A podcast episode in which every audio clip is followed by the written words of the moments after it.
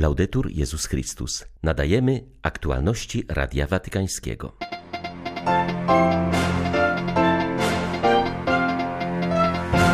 Potrzeba kompleksowego sojuszu na rzecz pokoju, powiedział Franciszek na dorocznej audiencji dla Korpusu Dyplomatycznego.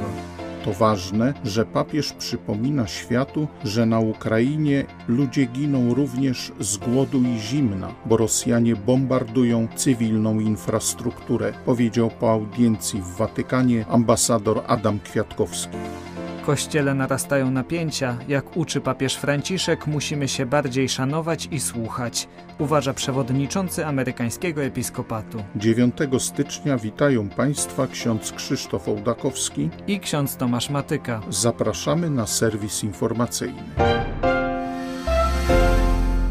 Nasze spotkanie ma być apelem o pokój w świecie, w którym widać coraz większe podziały i wojny. Taką linię papież Franciszek nadał spotkaniu z korpusem dyplomatycznym akredytowanym przy Stolicy Apostolskiej, które zgodnie z tradycją odbywa się zawsze na początku nowego roku. W 40-minutowym wystąpieniu kilkakrotnie nawiązywał do encykliki Jana XXIII Pacem Interris, przypominając, że trzeba kompleksowych działań, które zapewnią światu bezpieczniejszą przyszłość. Papież mówił m.in. o rosnącym zagrożeniu ataku nuklearnego dotkniętej coraz większym ubóstwem Syrii i wzroście przemocy między Palestyńczykami i Izraelczykami. Wspomniał dramat Jemenu i Etiopii, które potrzebują wsparcia międzynarodowego w rozwiązaniu kryzysu humanitarnego. Dziś trwa trzecia wojna światowa zglobalizowanego świata, gdzie konflikty bezpośrednio dotyczą tylko niektórych obszarów planety, ale w istocie angażują wszystkich. Najbliższym i najnowszym przykładem jest wojna na Ukrainie, ze śmiercią i zniszczeniem będącymi jej następstwem z atakami na infrastrukturę cywilną, prowadzącymi do tego, że ludzie tracą życie nie tylko z powodu bomb i przemocy, ale także z powodu głodu i zimna. Wszelkie działania militarne, które zmierzają do zniszczenia całych miast czy też rozległych obszarów wraz z ich mieszkańcami, są przestępstwem przeciwko Bogu i samemu człowiekowi, które należy stanowczo i bez zwłoki potępić. Mogę jedynie ponowić dziś mój apel o natychmiastowe zakończenie tego bezsensownego konfliktu, którego skutki dotykają całych regionów, także poza Europą, ze względu na jego reperkusje w dziedzinie energii produkcji żywności, zwłaszcza w Afryce i na Bliskim Wschodzie.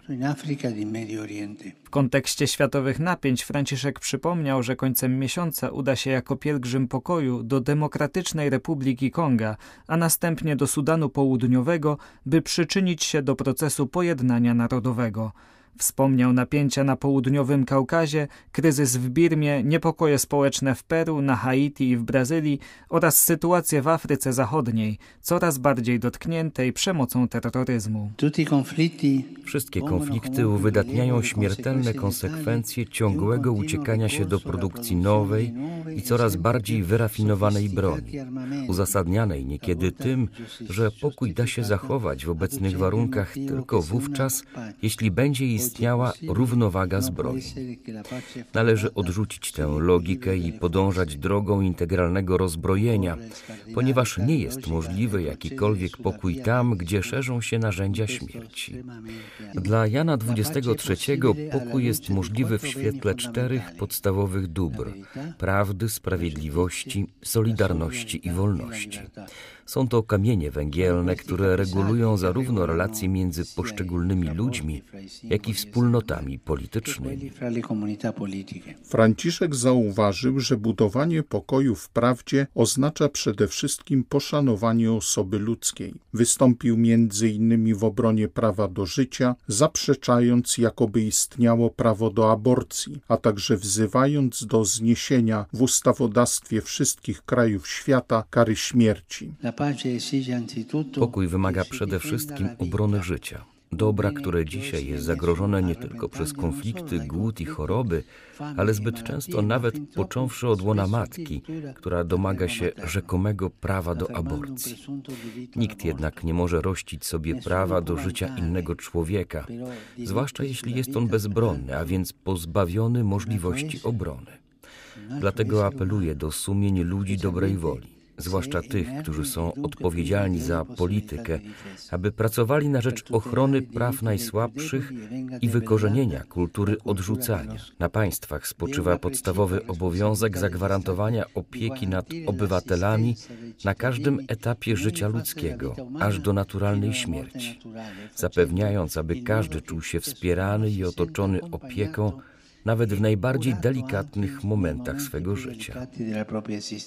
Franciszek podkreślił, że lęk przed życiem przekłada się na prawdziwą zimę demograficzną, która wręcz zagraża przyszłości społeczeństwa, jak ma to miejsce we Włoszech. Przypominając, że pokój wymaga również uznania wolności religijnej, wskazał, że jedna trzecia ludzi na świecie doświadcza ograniczeń w tym względzie. Wraz z brakiem wolności religijnej występują również prześladowania na tle religijnym. Nie mogę nie wspomnieć, że jeden chrześcijanin na siedmiu jest prześladowany. Jednocześnie nie wolno zapominać, że przemoc i dyskryminacja wobec chrześcijan wzrasta także w krajach, których nie stanowią oni mniejszości. Wolność religijna jest zagrożona także tam, gdzie wierzący widzą, iż w imię źle rozumianego pojęcia integracji ogranicza się możliwość wyrażania swoich przekonań w sferze życia społecznego.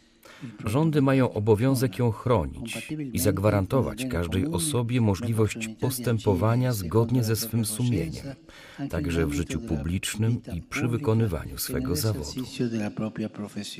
Po raz pierwszy w spotkaniu papieża z korpusem dyplomatycznym uczestniczył nowy ambasador Rzeczypospolitej Polskiej Adam Kwiatkowski. W rozmowie z Radiem Watykańskim zauważył, że przemówienie Franciszka było opisem sytuacji na świecie z perspektywy stolicy apostolskiej oraz ukazaniem celów polityki zagranicznej Watykanu. Polski dyplomata zwrócił uwagę, że Ojciec Święty nawiązał na początku do odejścia swojego poprzednika, Benedykta XVI.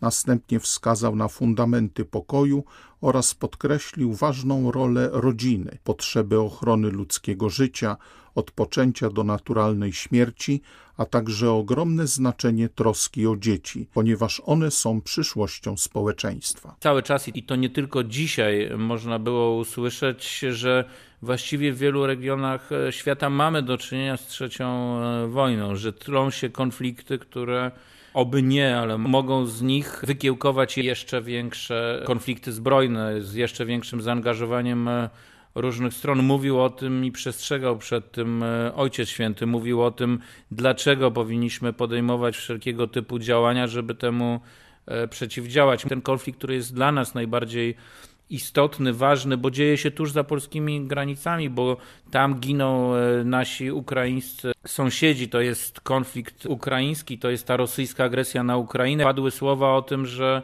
tam giną ludzie, padły słowa o tym, że często ci ludzie nie giną od e, samego konfliktu zbrojnego, ale giną dlatego, że nie mają ogrzewania, nie mają wody, nie mają e, picia, że cierpią dlatego, że ci, którzy ich atakują, atakują tą infrastrukturę krytyczną, odcinają ich od e, takiego bezpośredniego zaplecza niezbędnego do życia, szczególnie teraz w zimie. Przekazałem Ojcu Świętemu pozdrowienia od pana prezydenta Andrzeja Dudy, przekazałem mu życzenia zdrowia i Bożego błogosławieństwa. Ojciec Święty prosił, żeby podziękować panu prezydentowi pozdrowić go od niego e, noworocznie. Kościół nie przestaje wspominać Benedykta XVI. Od wczoraj można się modlić przy jego grobie w grotach watykańskich. Dziś rano Franciszek przyjął na audiencji wieloletniego sekretarza osobistego zmarłego papieża, arcybiskupa Georga Gensweina.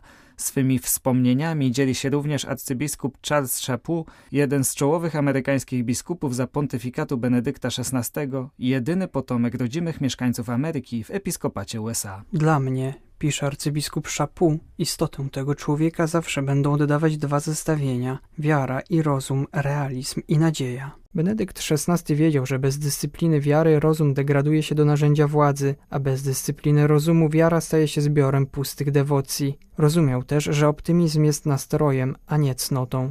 Optymizm nie jest nadzieją. Chrześcijanie potrzebują zdrowego, a często również surowego realizmu wobec świata i ludzkiej natury, ale także ostatecznej ufności w zbawczą miłość Boga do ludzkości. Były arcybiskup Filadelfii przyznaje, że będzie mu brakowało wpływu Benedykta na Kościół, który utrzymywał się nawet po jego przejściu na emeryturę.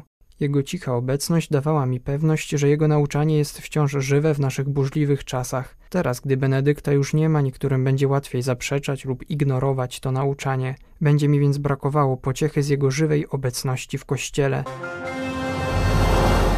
Teraz Benedykt XVI będzie oddziaływał na Kościół z jeszcze większą siłą bo śmierć człowieka takiego formatu i głębi jest okazją, by na nowo przeczytać to, co napisał i zobaczyć, co zrobił dla Kościoła, uważa przewodniczący Episkopatu Stanów Zjednoczonych. Jego zdaniem zmarły papież w sposób szczególny może pomóc w autentycznej interpretacji soboru, bo sam w nim uczestniczył jako ekspert. W wywiadzie dla dziennika La Repubblica arcybiskup Timothy Brolio został zapytany o walkę między postępowym i konserwatywnym nurtem kościoła. Zauważył, że nie lubi posługiwać się tymi kategoriami, choć jest prawdą, że napięcia, które zawsze istniały, teraz są jeszcze bardziej. Przyznał na przykład, że on sam nie może zgodzić się z tym, jak niemieccy biskupi prowadzą proces synodalny. Jego zdaniem radzenie sobie z tymi napięciami jest sztuką wymaga słuchania, czego uczy nas papież Franciszek. Każdy musi mieć możliwość wyrażenia swych myśli, a zarazem potrzeba panować nad swym rozgoryczeniem. Możemy się nie zgadzać, ale krytykę trzeba wyrażać po bratersku i życzliwie, bez złośliwości. Ciągu ostatniej doby dziesiątki cywilnych miast i wiosek stały się celem rosyjskiej agresji oraz ataków przy użyciu różnych rodzajów broni, podkreślił dziś arcybiskup Światosław Szewczuk. Zauważył, że podobnie jak w czasach narodzenia Jezusa, również dzisiaj wielu reaguje niezadowoleniem na dar Bożej miłości oferowanej każdemu. Przykładem tego niegdyś był Herod, który postanowił pozbyć się problemu Mesjasza, zabijając dzieci w Betlejem. Ta totalitarna metoda rozwiązywania problemów często będzie powtarzana potem w historii. Na naszej ziemi dzisiaj widzimy bezpośrednio, jak owe autorytarne sposoby działania nie stały się jeszcze przeszłością i niosą ze sobą wiele cierpień. Dostrzegamy, że ta świętokradcza wojna sprowadzona na naszą ojczyznę przez rosyjski totalitarny reżim z jego krwiożerczością, zabija wszystkich stawiających opór wymyślonemu projektowi geopolitycznemu, który współczesny głupiec pragnie narzucić światu. Historia Heroda niesie w sobie bezpośrednie odniesienie do każdego człowieka, ponieważ stawia przed nami pytanie – czy jestem gotowy uznać Chrystusa swoim Panem oraz Królem? Gotowość i odwaga uznania Boga za Króla, Pana mojego życia stanowi centrum chrześcijańskiej wiary, chrześcijańskiego świadectwa w najgłębszym tego słowa znaczeniu. Konferencja Episkopatu Brazylii potępiła zamieszki w stolicy kraju i wezwała do obrony demokracji. Wczoraj tłum wdarł się do siedziby parlamentu i Sądu Najwyższego i zdemolował je. Służby porządkowe odzyskały władzę nad sytuacją dopiero po kilku godzinach. Episkopat Brazylii wyraził zatroskanie z powodu poważnych i gwałtownych wydarzeń w Brazylii i wezwał do zachowania pokoju i natychmiastowego zaprzestania ataków na demokratyczne państwo prawa. Dodał także, że organizatorzy i uczestnicy powinni zostać pociągnięci do odpowiedzialności. Wydarzenia miały miejsce zaledwie tydzień po inauguracji prezydentury Luisa Inácio Lula da Silva. Zwolennicy Bolsonaro liczyli, że armia nie dopuści do zaprzysiężenia Silwy. Po przegranych wyborach gromadzili się na protestach i organizowali blokady drogowe. Tworzyli także koczowiska, m.in. przy głównej siedzibie wojska. Jair Bolsonaro odciął się jednak od zamieszek. Były to aktualności Radia Watykańskiego. Laudetur Jezus Chrystus.